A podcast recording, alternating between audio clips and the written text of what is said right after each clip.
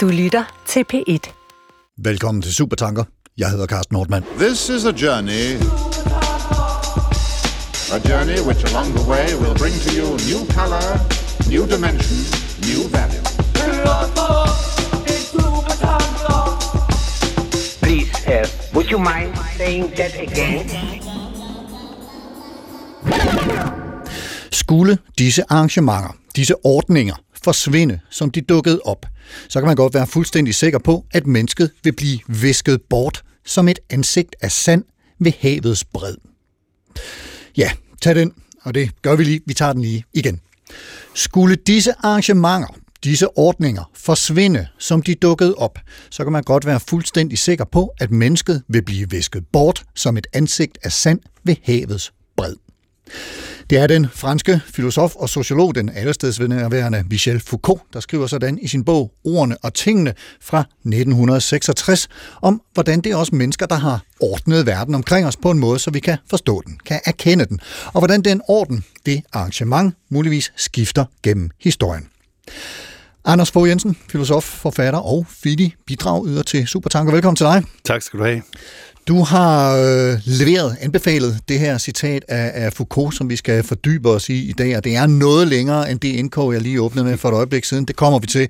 Men lad os lige allerførst høre lidt om, om dit øh, forhold øh, til Foucault, altså hvordan du har mødt ham, og, og, og, og hvordan, hvad, hvad, hvad det gjorde ved dig, hvorfor han er i dine øjne interessant og vigtig. Ja, det var ikke fordi, at Foucault var øh, på nogen måde på pensum på filosofistudiet, øh, men jeg øh, tog til Frankrig og læste mit tredje år der, og øh, der læste vi mest tysk men jeg stødt ofte og ofte på, at Foucault blev nævnt. Det var sådan set ikke, fordi der var kurser, men det begyndte at interessere mig, og så under mit ophold der fik jeg egentlig læst en, en hel del op på, på Foucault i første omgang, og så har det, så har det ligesom hængt ved i, i mange år. Jeg har ikke rigtig kunne slippe ud af det, så, øhm, så jeg endte også med at, at skrive et par bøger om det. Men, øh, men ja, det har været i, i, i forbindelse med, med, at jeg har været i Frankrig og stiftet bekendtskab med det.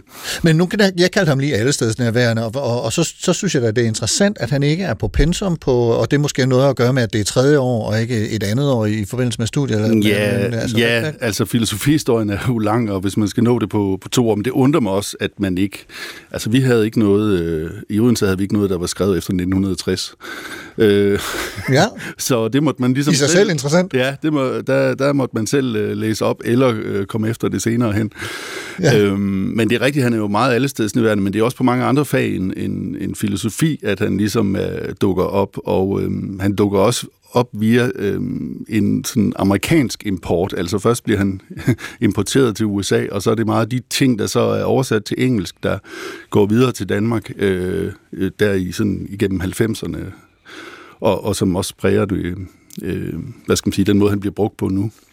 Og, og, og det her citat, øh, og lige om lidt så får vi det i dets fulde længde, men det kommer mm. altså fra den bog, som sagt, øh, fra 1966, der hedder Ordene og Tingene, og den valgte mm. du Mm. udvalgte du blandt ja. et, et større øver, går jeg ud fra, ja. øh, som, som, øh, som din indgang til, til Foucault. Og det øh, ved jeg fra vores tidligere telefonsamtaler, at, at det har gjort, hvis du skal give et råd til, til yngre filosofistuderende, så er det at vælge en bog og... Ja, det er vel, at man får læst en vigtig bog rigtig grundig. Øh, og, og det behøver ikke at være Foucault, det kan også være alle mulige andre store, eller nogle endnu større filosofer, men at man ligesom har et værk, som man øh, altså, og det kræver, at det er et større værk, men at som man ligesom får et gitter eller nogle horisonter, nogle akser ind i hovedet, man kan hænge tingene op på. Ja. Og, og det er den her bog, det har den, det har den blandt andet været for mig, ja. Hmm. Og lad os så lige prøve at få hele, øh, hele citatet på Foucault, om man så må sige, altså det vil sige en français, for det øh, kan du netop i forbindelse med dine studier der. Og, og, og det er så ja, lidt længere end det, jeg lige øh, startede med. Ja, og man kan jo sige, jeg har ikke valgt citatet, fordi det var let, men fordi det, det siger noget, som ja. vi måske kan bruge til noget her senere. Som vi kommer ind på, ja. Men det lyder sådan her.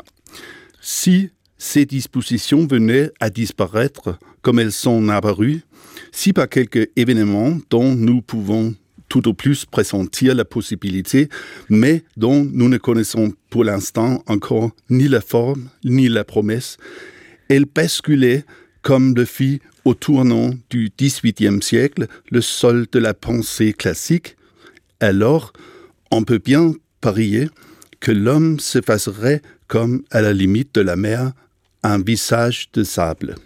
han siger endda, i den danske, der hedder det, man kan være helt sikker på, han siger, så kan man godt væde på, at mennesket, så man, han er så sikker, så han vil gerne vide på, at, at mennesket vil, eller han formulerer det jo i sådan nogle, øh, jamen kalder det konditionel, hvis det er, så vil det være, ikke? Men ja, det er en ja. anden måde at sige, øh, det, det er bare en mere Skulle elegant... nu hende? Ja, ja, og det er en anden måde, mere elegant måde at sige, det kommer til at ske. ja, og vi tager den lige, nu, nu tager jeg ja. den så lige på dansk, det er ja. sin fulde længde. Altså, det han siger, det er, hvis disse arrangementer eller disse ordninger skulle forsvinde, som de dukkede op, hvis de skulle blive væltet, ved en eller anden begivenhed, som vi højst kan fornemme muligheden af, men hvis form og løfte vi endnu ikke kan erkende, ligesom det skete for den klassiske grundlag på overgangen til, fra det 18. århundrede, så kan man godt være fuldstændig sikker på, eller så kan man godt vede på, at mennesket vil blive visket bort som et ansigt af sand ved havets bred.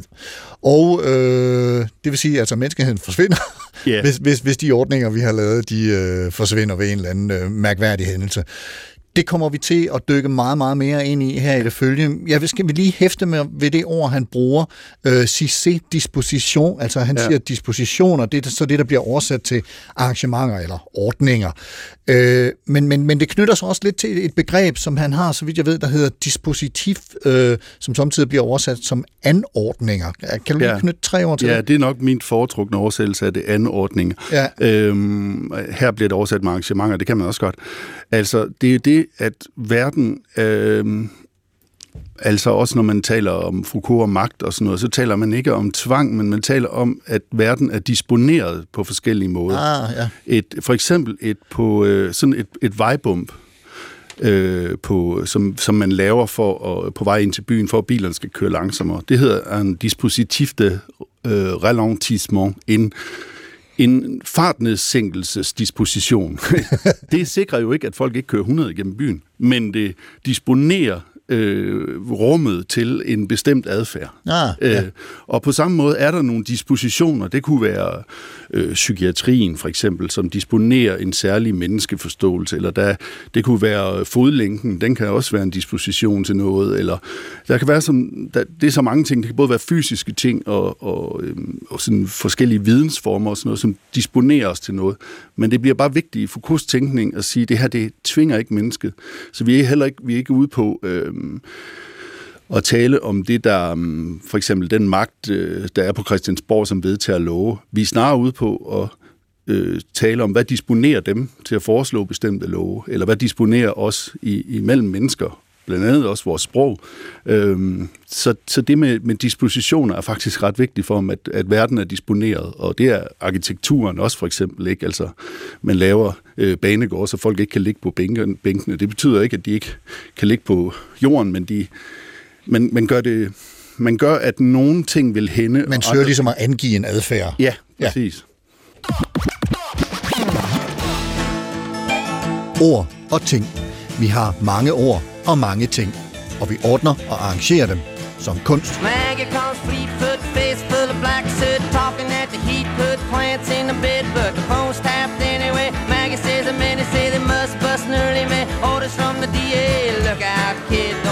what you did. But walk on your tiptoes, don't tie no bows, better stay away from those that carry around a fire hose. Keep a clean nose, parts of plain clothes, you don't need a weatherman to know which way the wind blows. Vi ordner og arrangerer ordene og tingene som viden, videnskab. Nogen ordner viden om kriminaliteten, fængslet, disciplinen, sygdommen, galskaben og seksualiteten. Be ready for instant. Prepared for anything and everything. Jeg har lavet supertanker i en årrække efterhånden. Og udover Platon, Aristoteles og Kant, er der ikke nogen tvivl om, at en af de hyppigst refererede supertænkere er Michel Foucault. I sit værk Ordene og tingene skriver Foucault om, hvordan vi har ordnet verden, så den giver mening for os, så vi er i stand til at erkende den meningsfuldt. Og i sit øvrige værk har han rettet blikket mod nogle tankesystemer i vores liv og verden, som er påvirket af den orden, vi etablerer, ved hjælp af ordene og tingene. Vores tanker om erkendelse af, hvad og hvordan livet er, og er påvirket af de strukturer, vi etablerer omkring os.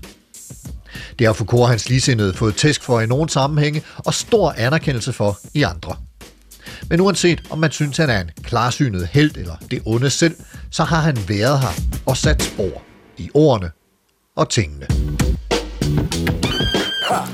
Ja, og det her citat, det stammer altså som sagt fra bogen, som hedder Ordene og tingene, Les mots et les choses, fra 1966. Den har også en undertitel, og den synes jeg egentlig lige, vi skal have med, og, og, og måske bruge det som, som øh, indgang til, hvad det var, han ville med, det her, med den her bog, og det her citat, som er afslutningen på bogen. Altså, det er simpelthen ja. den aller sidste sætning, der står i det. er aller sidste sætning, ja. ja. Og undertitlen på bogen er En arkeologi over menneskevidenskaberne. Og menneskevidenskaberne, det er mere end humaniora. Altså nogle gange hedder det science humaine, nogle gange hedder det science anthropologique. Men altså det er mere end, end humaniora, antropologi, etnologi og sådan noget. Det er egentlig også, øh, altså det kan være alt det, der har med, altså stor del af det, der ligger under samfundsvidenskaberne, vil, være, øh, vil også gå ind under det her. Og det, vi kalder samfundsvidenskaberne, det er for eksempel filosofi, psykologi? Øh, Nej, det, ja, det vil, ja, det vil nok ikke, det ligger, det ligger jo under humaniora. Jeg ved ikke rigtig, hvor vi skal placere filosofi, det har jo grænseflader til det hele, men det kunne også være, øh, ja, for eksempel sociologi. Ja. Øh, så, så det handler om at finde ud af den, den samtid, som Foucault står i her i 1966, hvad der ved at ske med, øhm, med det at have mennesket i centrum. Og det kræver lige lidt, før vi kan nå tilbage til det med, at mennesket er i centrum. Men øhm, altså, nogle gange siger man jo, at filosofer har ikke nogen empiri, men det har de her, fordi at det, der er øh, i det her tilfælde filosofens empiri, det er andre teorier.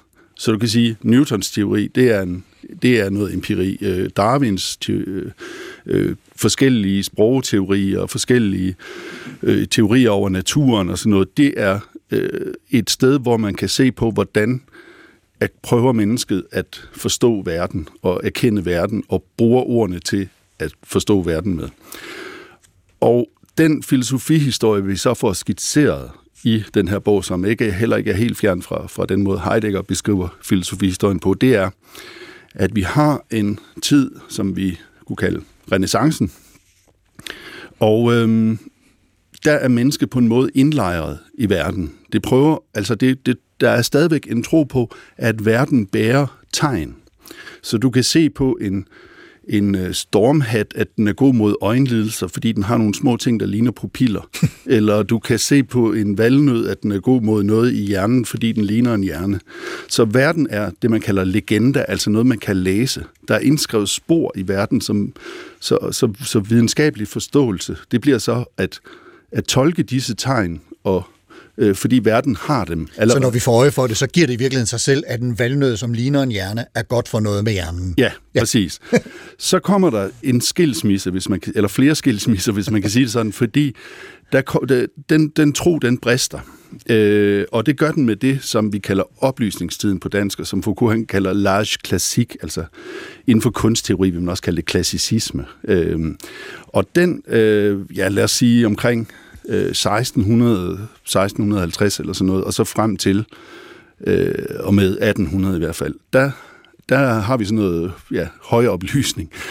Og det, der sker, det er, at man, man, man mister troen på, at verden i sig selv øh, lader sig læse. Men man mister ikke troen på, at verden er i orden, og verden kan ordnes. Så det, det nu handler om, det er at få ordnet øh, verden i forskellige teorier. Og der bliver de her matrixer og skemaer, som man måske kender bedst fra Linnés klassifikation af dyr, eller fra det periodiske system, eller sådan noget. Sådan nogle, ja, øh, sådan nogle skemaer, hvor man, hvor man sammenligner og sorterer. Så menneskets opgave er nu at sortere en verden, der ikke er i orden, men som principielt kan blive i orden ordne ordene og tingene til, til at de bliver til viden. Ja, ja. Så, så, så, så, så der er sket en skilsmisse også mellem ordene og tingene, fordi man ikke tror på, at ordene, altså tidligere kunne dyrenavnet i sig selv ligesom bære, være forbundet til dyret, men det ved man godt nu, det er det ikke. Så nu handler det om at, at, øhm, at skabe et sprog, der kan ordne verden. Så der er grundlæggende en tro på, altså, og det, det, det er ikke på det her tidspunkt mennesket, der er i centrum, men det er verden, der er i centrum for, den for de her videnskaber, der foregår her. Og Foucault sammenligner så videnskaberne inden for forskellige områder, inden for, noget, der har med naturen at gøre, noget, der har med sproget at gøre, og noget, der har med, han kalder det værdierne, men altså det er det, vi senere hen vil kalde økonomi. Så hvis vi nu tager i renaissancen, ikke, der, der betød, eller der var pengene en værdi. Altså den var en, det var ligesom om, at den var iboende i guldet. Så begynder pengene nu at repræsentere en værdi. Altså det, det er den adskillelse, der er sket mellem ordene og tingene, eller mellem de, de ting, vi har til rådighed. Dyrenavnet er heller ikke forbundet til dyret, men det kan repræsentere dyret, eller planten, eller hvad det nu er. Ja, til tegn. Ja, lige ja. præcis. Verden, verden, altså verden var nogle naturlige tegn før, nu laver vi tegn, der repræsenterer verden. Øhm, For at vi bedre kan forstå den. ja, Verden. ja, ja, Ja. og vi ordner den i, i de her skemaer. Ja, ja. Øhm, og man kan sige, at bogen er jo egentlig, i, og det er også en historie om, at alting ikke kan tænkes til alle tider. At, at verden har sådan nogle, hvad, hvad, hvad Foucault kalder epistemologiske sokler. Og det han prøver på... Og epistemologi, det har at gøre med, det, der har at gøre med erkendelse. Ja, Ja. ja altså det, det, der er nogle tankeformer, som dem, der vil lave videnskab inden for en given tid, de følger. Mere end at de, de ligesom øh, følger øh, bare naturen for eksempel, eller, eller pengene, eller hvad det er. Øhm, det, som Kant prøvede, og det, det er virkelig en meget kantiansk bog, det som Kant prøvede i den bog, der hedder Kritik af den rene fornuft fra 1781, det var at sige, hvad kan vi vide med sikkerhed, øh, inden vi sanser? Det kaldte han for syntetisk a priori. Det er noget, altså a priori betyder før. Vi kan også sammenligne med, hvad, hvad kan vi, hvis vi lukker øjnene, hvad kan vi så vide, når vi åbner, at vi vil se? Ja, vi kan jo ikke vide, om der står en bjørn eller en svane eller noget, men vi kan vide, at vi vil sanse i rum og i tid, og i års, vi ser årsager for os, og vi syntetiserer tingene, sådan at de, de, de giver mening.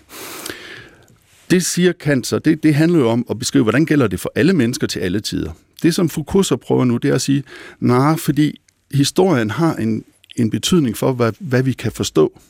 Så der er noget med, at i renaissancen, der er der visse, ja, det kalder han så historiske a priori, for eksempel, at verden kan læses. I oplysningstiden er der et, noget med, at verden kan klassificeres, og det er mennesket opgave at klassificere det. Og senere bliver der noget med at forstå alting igennem endelighed og, og menneske. Så det er i virkeligheden noget med at putte kant ned i historien, det her.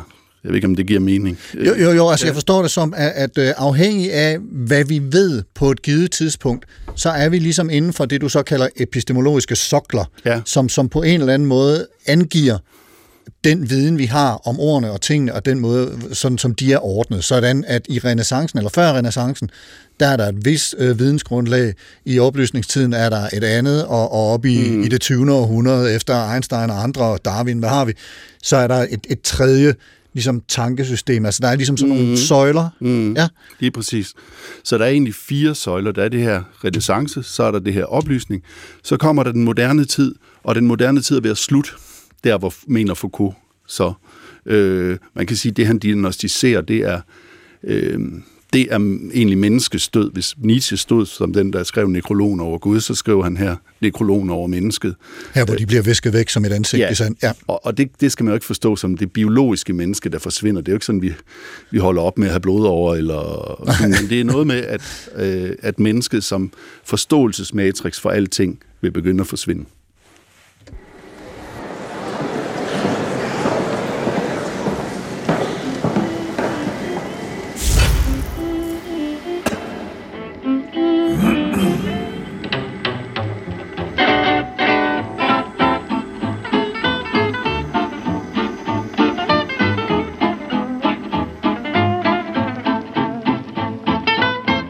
Michel Foucault er et navn, mange kender. Filosof og sociolog i det 20. århundrede, og en tænker, hvis teorier ofte kigger frem i blandt andet samfundsfag i både folkeskole og gymnasium. Foucault dukker også ofte op i samtalerne her i programmet. Han er manden med rullekraven, der står bag nogle af de vigtigste og mest citerede filosofiske værker fra det 20. århundrede. En supertænker, der helst holdt sit private liv for sig selv.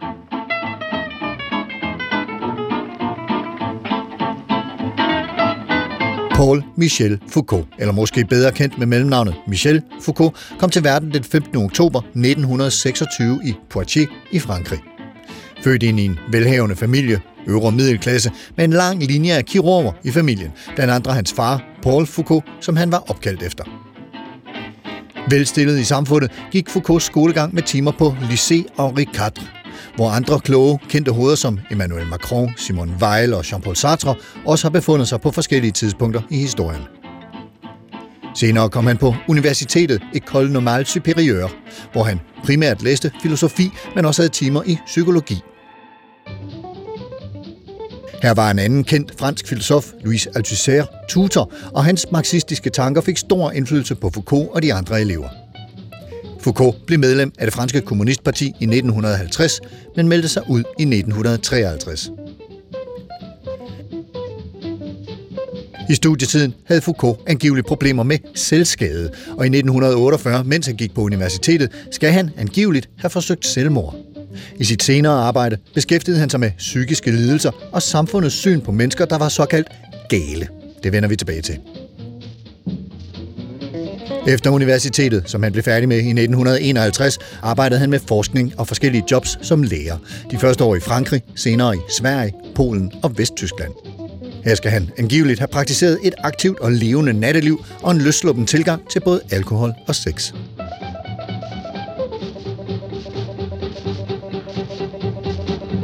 Ifølge flere kilder, inklusiv bogen The Last Man Takes LSD, Foucault and the End of Revolution fra 2021, skal et LSD-trip ved den smukke, men også i høj grad brutale Zabriskie Point i den amerikanske ørken Death Valley i 1975 have haft stor indflydelse på Foucaults filosofi og gjort, at han bevægede sig mod neoliberalisme, som han forelæste om sidst i 70'erne, og lavede ændringer til sit værk fra 1976, Seksualitetens historie.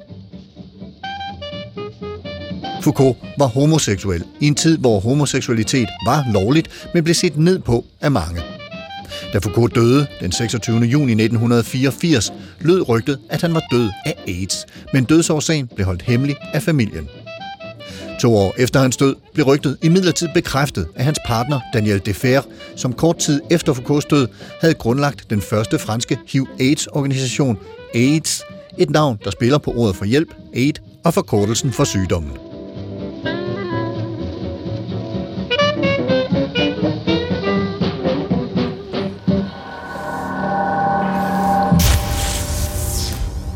Godt, eller d'accord. Og nu tager vi altså lige det her citat en gang til på dansk.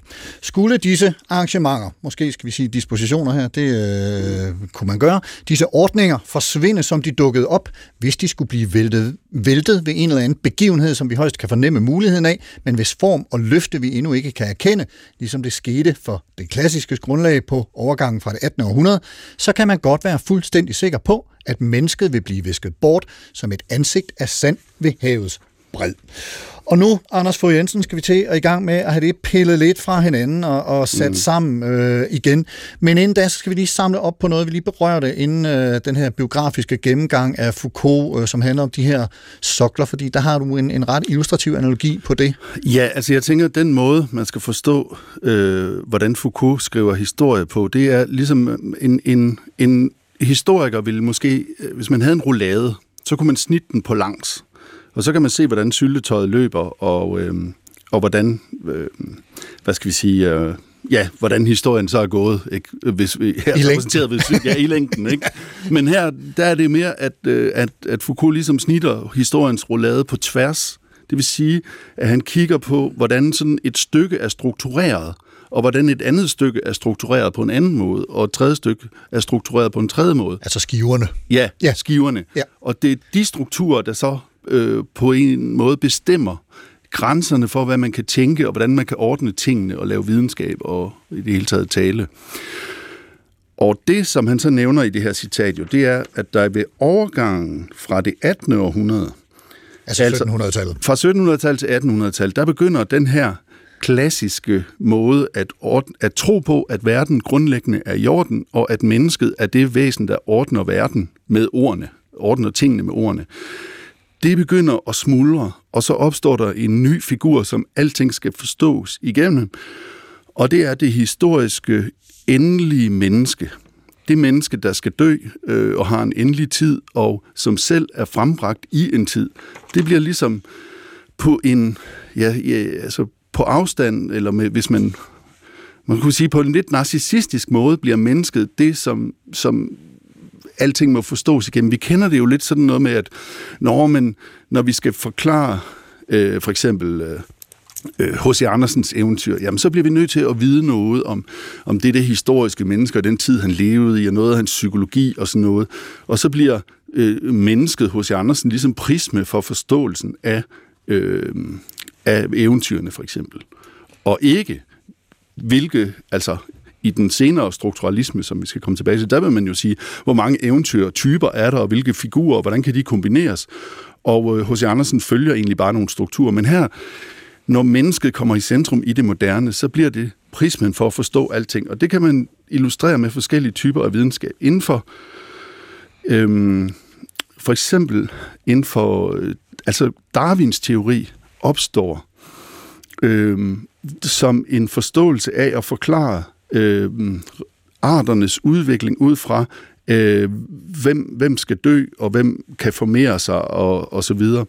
Så hvis man i det Foucault kalder klassicismen, og som vi her kalder oplysning, hvis man havde set varianter, for eksempel at nogle kameler havde mere hår end andre, så vil man sige, at det er varianter over kamelessensen. Man kan altså ikke tænke udvikling på den måde, som Darwin kunne senere, fordi han begynder at sætte endeligheden i centrum. Altså øh, begynder at lave nogle meget kategoriske inddelinger, eller hvad? Øh, nej, han begynder at tænke i tid og udvikling.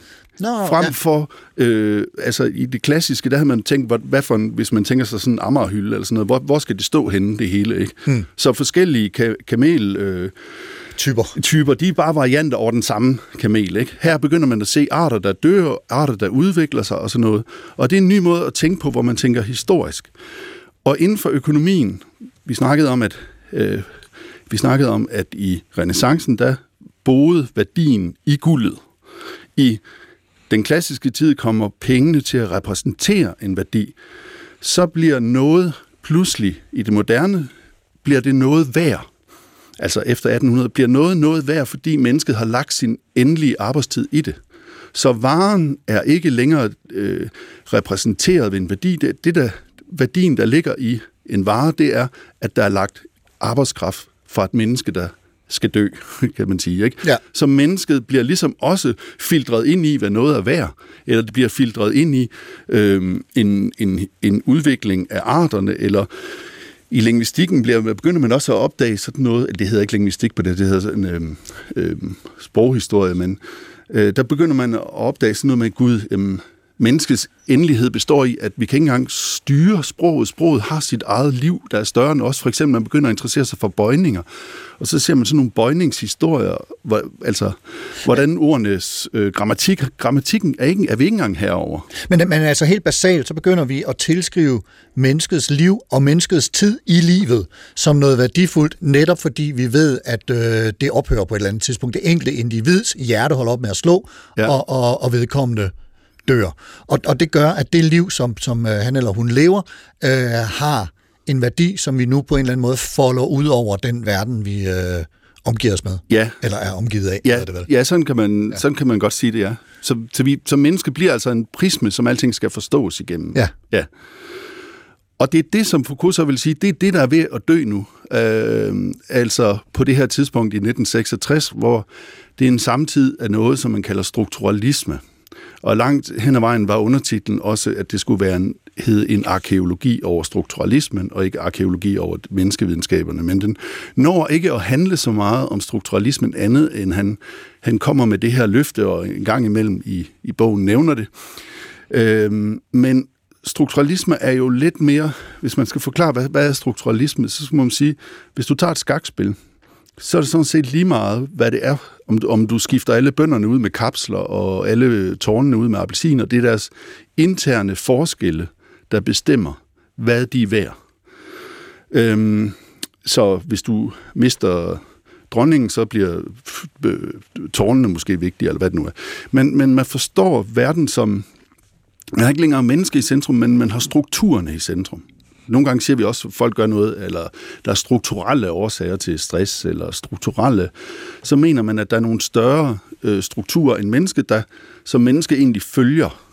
Øh, og det, det kommer meget op på det her tidspunkt. Øh, man har strukturel antropologi, struktur, strukturel litteraturanalyse, strukturel forskellige, øh, ja, forskellige videnskaber bliver strukturalistiske, også sociologien. Og nogle gange så noget, der minder om det her menneskes død, der taler man om forfatterens død, som var noget Roland Barthes, øh, en, en, en samtidig ja. litterat, øh, promoveret. Øhm, og som Foucault også, han taler også om, om forfatterens død. Hvad er det? Det er, at vi skal ikke forstå et værk ud fra forfatteren, altså øh, fortolke, men vi må forstå det ud fra for de strukturer, der er. Og det kan måske bedst illustrere med det, jeg gjorde før med, at, at man for eksempel har et vis antal øh, eventyrfigurer, der kan optræde, og de kan være i forskellige kombinatorikker. Øhm. Altså det er det, vi har med, med, med subjektet og objektet, altså prinsen og prinsessen, og så har vi hjælperen, som er... Ja, for eksempel, det er det så... Det, modstanderen, som er ja, dragen, og hjælperen, som ja, er kongen, eller... Ja. ja, og det er sådan nogle, nogle øh, mere almindelige ting, som er kommet frem i dansk undervisning på baggrund af strukturalismen. Ja. Ikke? Øh, at man det, har, kalder aktantmodellen. Ja, ja. ja, så man har lært at tænke på den, øh, den måde. Altså, og det er, det er en udvikling, som man kan se hos en del filosofer, hos Heidegger, hos Merleau-Ponty, hos, som også er en, en, en lidt ældre fransk filosof, øh, og Foucault, det er, at de, de, de flytter sig i retning af at have verden i centrum frem for mennesket. Øh, og prøve at, altså, at forklare tingene øh, strukturelt, også selvom det er en vældig intellektuel, øh, hvad skal vi kalde det, øh, øh, slåskamp om, hvad strukturalisme er, og hvad man, hvem der er det ene og det andet. Men, men jeg skal lige samle op, fordi mm. de her strukturer, de er, er, er jo strengt taget undskyld, skabt af af de mennesker, som har hvad skal man sige, etableret videnskaberne og etableret øh, det syn på verden, som, som øh, vi taler ud fra. Altså mennesker har sat sig selv i centrum som det prisme, alting bliver set igennem, Øh, havde havde ja. en hund lavet videnskaben, så havde hunden måske været prismet. Ja. Øh, men, men, men nu har mennesket ligesom lavet det, og dermed også de strukturer, som vi på en eller anden måde indgår i. Nej, nej, her er det vigtigt at adskille øh, mennesket i centrum og strukturerne i centrum. Det er okay. to forskellige ja. ting. Ah. Øh, men det er rigtigt, at hvis det havde været en hund, Nietzsche har også et udtryk, hvis myggen havde lavet videnskab, så havde myggen været det flyvende centrum for, for alle videnskab og sådan noget. men, men øh, strukturalismen er noget andet. Det prøver at fjerne sig fra øh, det historiske, og så siger det, eller det hermeneutiske, som man siger, det, for, det vi fortolker tingene ud fra, fra psykologien eller subjektet, eller sådan noget. For eksempel H.C. Andersen skrev sådan her, fordi han et både var i 1800-tallet, to øh, havde den psyke, han havde, og sådan noget. Så prøver man at, at, at forklare tingene ud fra, øh, ja, fra nogle mere sådan element, elementære modsætningspar. Det er lidt svært at forklare med andre. Øh, altså min bedste, tydeligste eksempel er det med skakspillet, ikke? at det er sådan set lige meget, hvorhenne i tiden vi er, så gælder de samme regler. Som, som forholdet mellem øh, de brækker, som, ja. som vi, vi er ja. på. Yes.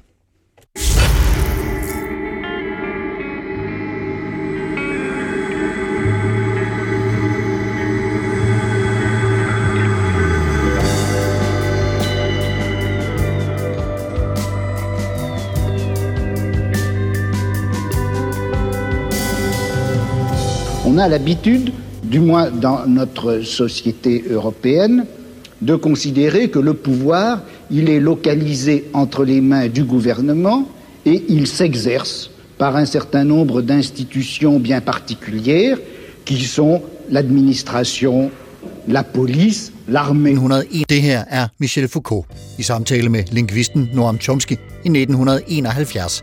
En samtale, der blandt andet handler om magt. Mais je crois que le pouvoir politique, il s'exerce encore, il s'exerce en outre, de plus, par l'intermédiaire d'un certain nombre, d'institutions qui ont l'air comme ça de n'avoir rien de commun avec le pouvoir politique, qui ont l'air d'en être indépendantes et qui ne le sont pas.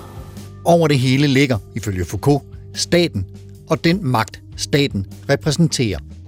Styringsmekanismer, som staten har betjent sig af gennem tiden, og som den har rettet mod forskellige genstande, forskellige felter. Befolkningen, populationen, opstår som genstandsfelt, og det retter Foucault sit blik imod med fokus på mest kendt fire emner. Kriminalitet, herunder overvågning og straf, fængslet. Klinikken, forstået som sygdom og sundhedsvæsen og lægestand. Quelque chose comme la psychiatrie, qui en apparence aussi n'est destiné qu'au bien de l'humanité et à la connaissance des psychiatres. Galskaben, De udgrænsede, umenneskelige, som bliver diagnostiseret med sygdom i sindet og parkeret uden for samfundets hverdag. Euh, euh, la psychiatrie est encore une certaine manière de faire peser un pouvoir politique sur un groupe social. Og seksualiteten, det som siden 1600-tallet har været spændt ind i stadigt strammere kyskhedsbælter, jomfrubuer og renhedskrav.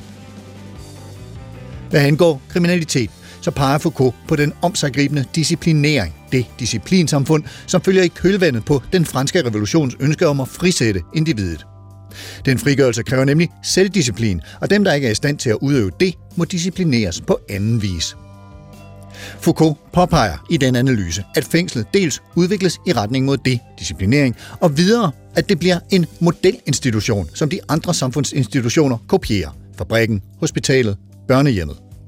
Simpelthen for at kunne holde styr på individerne. Kriminalitet straffes ikke længere, i hvert fald ikke i samme omfang, med tortur, offentlig pinsel og død, som førhen var kilde til både skræk og advarsel og til underholdning for masserne. Heller ikke med strafarbejde, som udstillede den straffede for samfundet og samtidig gav den straffede lejlighed til at tænke over sin brøde. Men nu sker udelukkelsen fra samfundet gennem indelukkelse.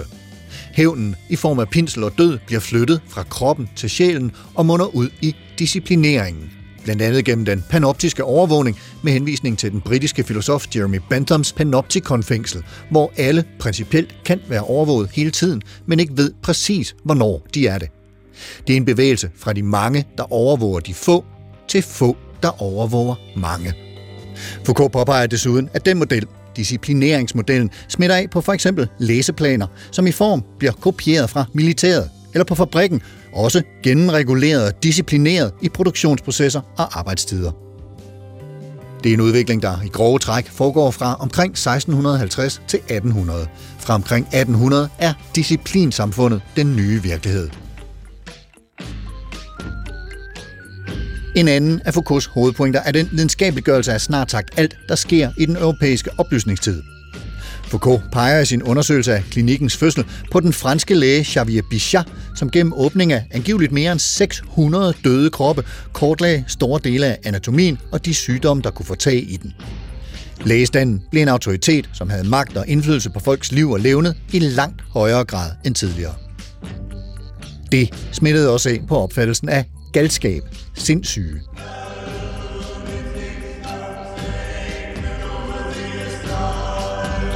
De asyler, der førhen havde været befolket af spedalske, kom med tiden også til at rumme de gale, som lægerne udpegede som syge og behandlingskrævende, og altså ikke længere blot den landsbytosse, som landsbyen rummede, inkluderede og ofte endda tog sig af.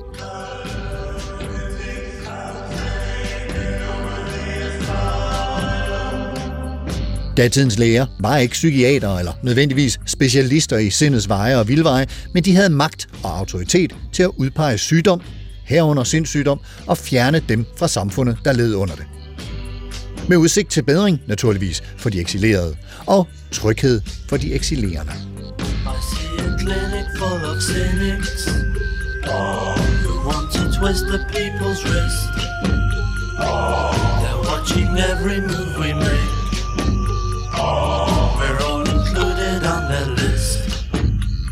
Og endelig er der Foucaults beskrivelse af seksualiteten, som også blev genstand for videnskabeliggørelse, blev til videnskab i oplysningstiden og senere.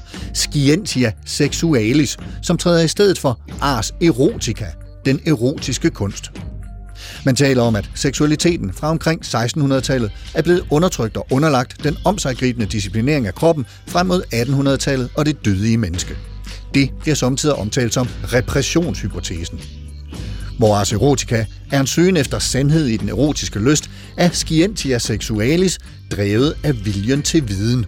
Viden om seksuel sundhed, renhed og seksuelle og reproduktive mekanismer og rettigheder. Og så har vi endda ikke engang været omkring Freud.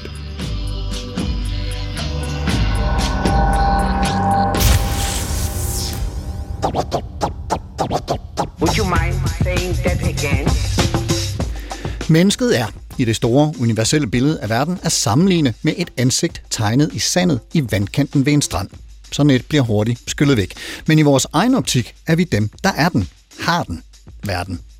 Vi har i hvert fald sat en orden på tingene og ordene, som sætter os i centrum og som gør os til det mest betydningsfulde og vigtige, der er. Men så kommer Michel Foucault og siger, at hvis de ordninger, vi har konstrueret af ord og ting i skiftende æraer, hvis de forsvinder, så forsvinder vi med dem, ligesom den der tegning i sandet i strandkanten.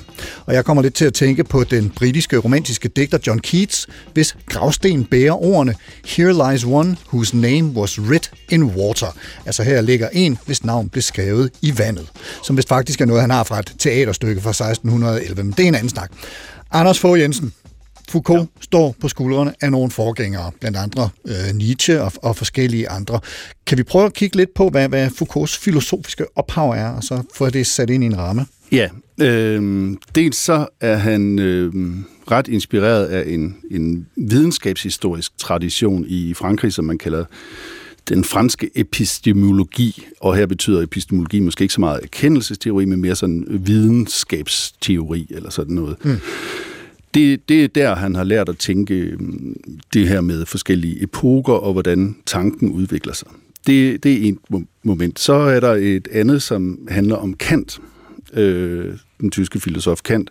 Som vi var inde på for et øjeblik ja, ja. Som, øh, som jo også, hvad skal man sige, præger øh, Foucault, men, men, men sådan mere i, i 60'erne her med de her øh, erkendel, eller hvad skal vi sige, mere videnskabelige teorier. Og så er der en, en meget dominerende skikkelse, i, som løber øhm, især i starten af 60'erne og igennem 1970'erne, øh, igennem Foucault, og det er Nietzsche.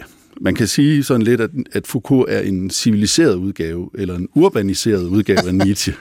ja. Altså, Nietzsches... Øh, Men altså, cirka 100 år senere, ikke? Jo, ja. Nietzsche skriver i 1870'erne og 80'erne. Ja. Øhm, og øh, man kan sige, at det, der jo egentlig sker, det er, at Nietzsche bliver hældt ud over kant, hvis vi kan sige det sådan. At vi har lige, vi har lige kigget på, hvordan øh, rubricere og kategorisere øh, øh, mennesket verden. Men nu bliver disse øh, kategoriseringer også til noget, der har med magt at gøre. Øh, altså som øh, altså det at, at sige, at øh, du, du er sindssyg, og du er ikke sindssyg, eller du er et barn, så, så, og du er voksen, eller du er mand, du er kvinde, du er... Altså alle kategoriseringerne får lige pludselig... Ja. ja, du er kriminel, du er ikke kriminel, ja. eller sådan noget.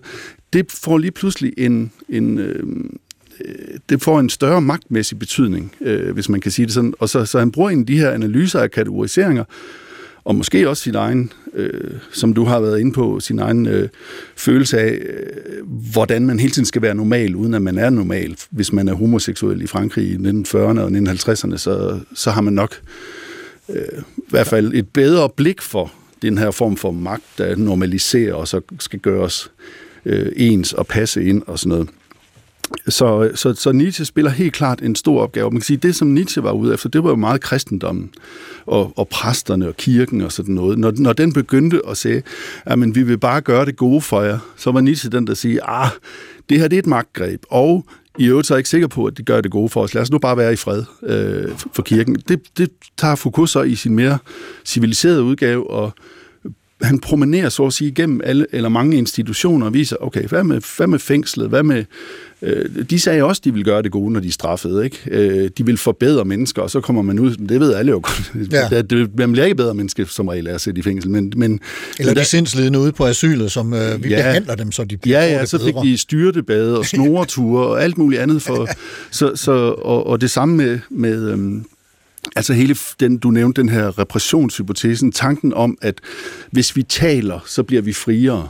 Øh, så det er også nogle, nogle, nogle gode hensigter, og det er det, som, hvad kan man sige, Nietzsche og Foucault forstår ved humanisme. Humanisme har måske gode hensigter, men det, det er nogle magtgreb, og det virker på særlige måder, som øhm, ja, som ikke er til det gode. Det kan man godt sige, det er et projekt. Og så ligger der også måske nogle gange hos Foucault sådan en latent anarkisme, at vi sådan set gerne vil være fri for øh, alle de her øh, institutioner og sådan noget, som skal øh, kategorisere og behandle og få ind i, i arbejde, eller hvad de nu skal. Øhm, uden at den sådan, uden han siger det helt højt, så, så tror jeg, der ligger en...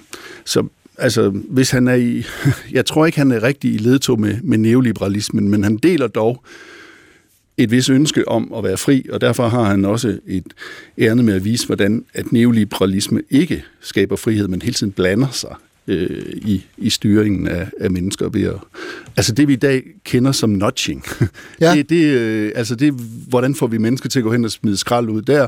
Hvordan får vi dem til at skrotte deres bil? Hvordan får vi dem til at altså påvirke den, den frie adfærd? Det er Foucault ret god til allerede der i 79 1979 at se, at, at fremkomsten af, af neoliberalismen er det nye styringsgreb. Altså vi ikke siger til folk, hvad de skal gøre, som i disciplinen, men vi påvirker deres interesse, så det bliver sjovere for dem at gøre. Det bliver sjovere for dem at spise frugt, end at ryge cigaretter, for eksempel. Ikke? Ja. Men det betyder ikke, at de ikke må købe cigaretter. Men, men de... Men er vi tilbage til, til, til det ord, vi i virkeligheden lagde ud med, med disposition eller dispositiv? Ja. Altså, vi, er, er vi ligesom... Øh, øh, ja, disponerer øh, mennesket til at gøre visse ting, som vi synes, øh, det kunne være dejligt, de gjorde. Ja, Ja. ja. fordi i, i nyliberalismen, der vil man ikke krænke folks frihed. Øh, det må man endelig ikke. Øh, Men man kan påvirke de valg, de tager. Og når, øh, hvad er så statens rolle her? I virkeligheden udgår magten ikke fra staten, men staten bliver det medium, som... Altså, vi kan jo sammenligne det med, at der kommer en neoliberal strømning, som gør, at figurer som Reagan og Thatcher kan opstå, og så går den igennem de europæiske stater, og så vælger vi også. Så kommer der liberale øh, politikere, så bliver det Åh, Jens Nielsen. Rasmussen, Rasmussen. ja, jeg har ikke personligt noget med det projekt at gøre. Nej. Men øh, øh, øh, så, så det er egentlig, staterne bliver mere et medium for, for magtudøvelsen, end der, hvor den udgår fra. Øh, ligesom kirken måske havde været det førhen. Øhm, ja, så Men, men hvis jeg så skal vende tilbage til, til, til det her citat, er det de ordninger, altså hvis det er dem, hvis de forsvinder, de her disponeringer til at gøre bestemte ting, så er det der, mennesket bliver skyllet væk som et ansigt i sandet, eller, eller hvordan? Øhm, ja, altså, det er snarere sådan nogle ordninger, som øhm, det kunne være de psykiatriske diagnoser, eller det kunne være det her med, at vi, vi taler sammen i psykologien, øhm, eller vi, vi har et enormt psykologisk øh, samfund, hvor vi ligesom, i stedet for at nu går tingene igennem mennesket, så går de igennem os selv, og så siger vi, jeg oplever, at for, foran alt, hvad vi siger, ikke? Mm. Øh, der er mennesket, fordi det er jo ikke sikkert, at Foucault har ret, øh, altså i sin øh, prognose der i 1966. Nu står vi her sådan en del år senere, ja, øh, det nærmer sig 50. ja 50 år senere, ikke, og siger, ah, okay, jeg synes stadigvæk, vi lever i en tid, hvor mennesket er meget i centrum, og hvor psykolog, altså, hvor, så det er ikke sikkert, at han fik ret, men der var en, nogle ansatser til det på det tidspunkt her i hvert fald.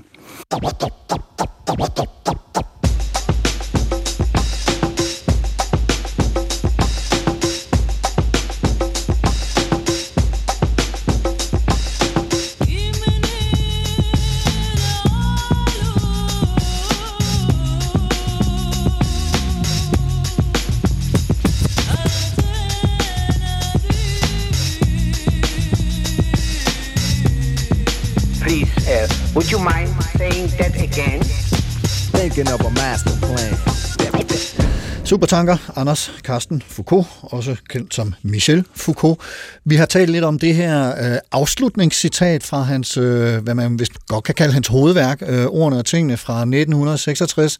Hvad, hvad der ligger i det her med, at mennesket er, er i centrum, øh, blandt andet gennem nogle, nogle ordninger, anordninger, som vi har etableret gennem historien, øh, og også lidt om, hvem øh, Michel Foucault øh, stod på skuldrene af, rent filosofisk set. Nu skal vi prøve at kigge lidt på, måske, hvordan det er, han bliver brugt i dag, fordi jeg nævnte i begyndelsen af udsendelsen, at han bliver trukket frem i tid og utid i, i øh, alle mulige sammenhænge, og jeg nævnte også, at det er noget, han og hans ligesindede samtidig har fået tæsk for. De er jo blandt andet blevet trukket ind som det, der hedder poststrukturalister i hele identitetsdiskussionen og forskellige andre ting. Hvordan øh, ser vi Foucault i dag? Altså, det kan nogle gange være svært at se, hvad han faktisk øh, har bidraget med, fordi det har sejret sig selv ihjel så meget, eller ikke okay. ihjel, det har sejret sig selv. Det, altså, de, de, de, hvis, man, hvis man siger de ting, som Foucault sagde, så løber man nærmest åbne døre ind i dag. Ja. Og, og det er jo fordi, det har haft en rigtig stor virkning. Altså sådan noget som...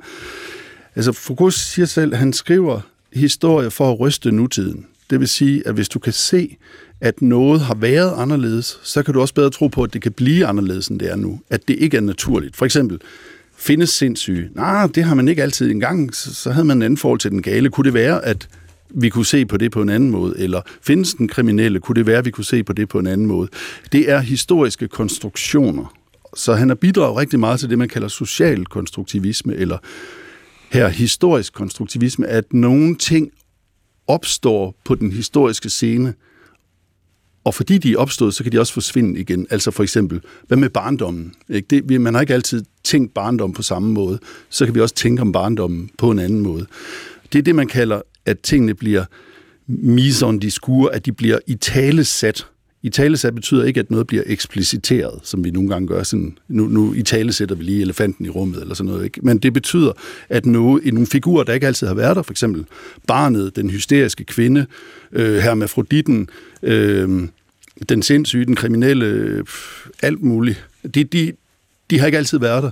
Og det er det, han, han, han øh, har givet os et rigtig godt blik for. Ikke alene, men sammen med andre selvfølgelig. Men, så på den måde, så vil jeg sige, hver gang vi kritiserer ting, ved at sige, at de ikke er naturlige, øh, for eksempel øh, den binære kønsopdeling, øh, at den også har et andet socialt konstrueret øh, øh, niveau, Ja. det, det gør, at øh, der- bruger vi de her tanker. Og, og, og det gør, der er så nogen øh, også inden for filosofien, som, som netop har bygget videre på, på Foucaults tænkning, og som også bliver gjort til eksponenter for den her måde at tænke på. Jeg, jeg tænker på, på sådan nogen som Jacques Derrida, Judith Butler og mm. forskellige andre Ja. i, i filosofihistorien, som, som går meget ind i den her sociale konstruktion, øh, Ja. ja. som, som stiller sig over for en, en øh, hvad skal man sige, biologisk determinisme, eller på anden måde øh, deterministisk måde at anskue, at tingene er determineret, besluttet til at være på en bestemt måde, og det ja. Ja. er der ikke noget, der kan rokke ved. Altså, Ja. ja. hvis, hvis vi skal prøve at kigge på den gennemslagskraft, han har haft og har, øh, Foucault, kan, kan vi så pege på ja, netop nogle årsager til, hvor, hvorfor han er så Mm, det jo hyppigt no- citeret eller brugt? man kan sige, det falder jo sammen med, selvom Foucault nok ikke vil omfavne 68 oprør, så falder det jo sammen med de ting, der også sker der, hvor man vil gøre oprør. Det er nemlig et antidisciplin oprør og de faste kategorier. Hvorfor skal kernefamilien for eksempel lige være den naturlige måde at leve på? Kunne det ikke være, at det ikke bare en socialt konstrueret måde? Kunne vi ikke leve i kollektiver eller sådan noget? Ja, ikke? Øhm, så, så, så der er nogle tanker, der er nogle frigørelsestanker, som det passer med det her social øh, konstruktivisme. Plus vi får med det her ord diskurs, så får vi også sådan det, man i dag kalder diskursanalyse, altså sådan en sans for, Gud, den måde, vi taler på.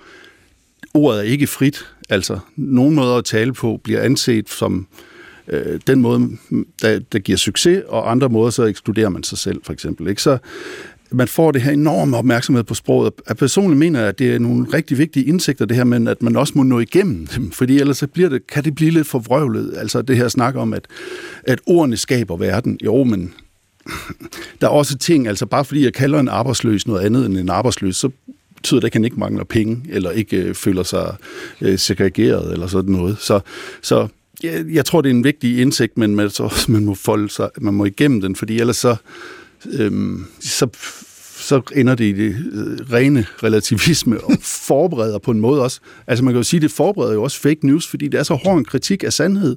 Ikke? Altså det, du siger om den sindssyge, det, det er en historisk konstruktion og så videre. Så, så bliver det svært, når der er nogen, der, der lige pludselig siger noget, der er løgn, at, at tilbagevise det, fordi det er jo svært at sige, at de ikke oplever det sådan. Eller, øhm, så, men det vigtige var, at de har sejret sig rigtig meget. Øh, øh, ikke ihjel.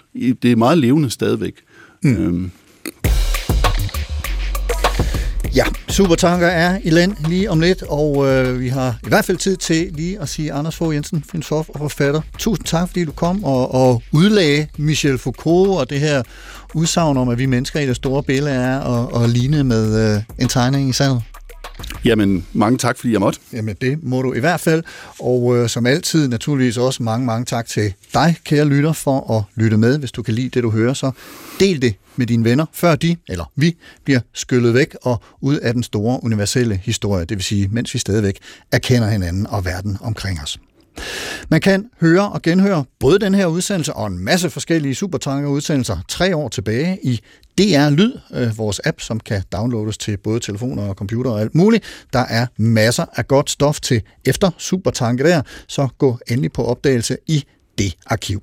Og hvis du har ris, ros eller idéer til programmet eller andet, du gerne vil kommunikere til mig, så skriv en mail til supertanker dr.dk eller gå ind på Facebook-siden Carsten Ortmann Radio og kommentere der. Og der lægger jeg også lidt øh, anbefalinger fra Anders Fogh Jensen. Dem fik vi ikke med herinde i øh, selve udsendelsen, men jeg lægger dem der til videre inspiration og læsning og tænkning om det her emne, og jeg lægger også en playliste over det musik, som øh, vi har hørt i de bondede øh, indslag på vejen, hvis nogen skulle være interesseret i sådan en.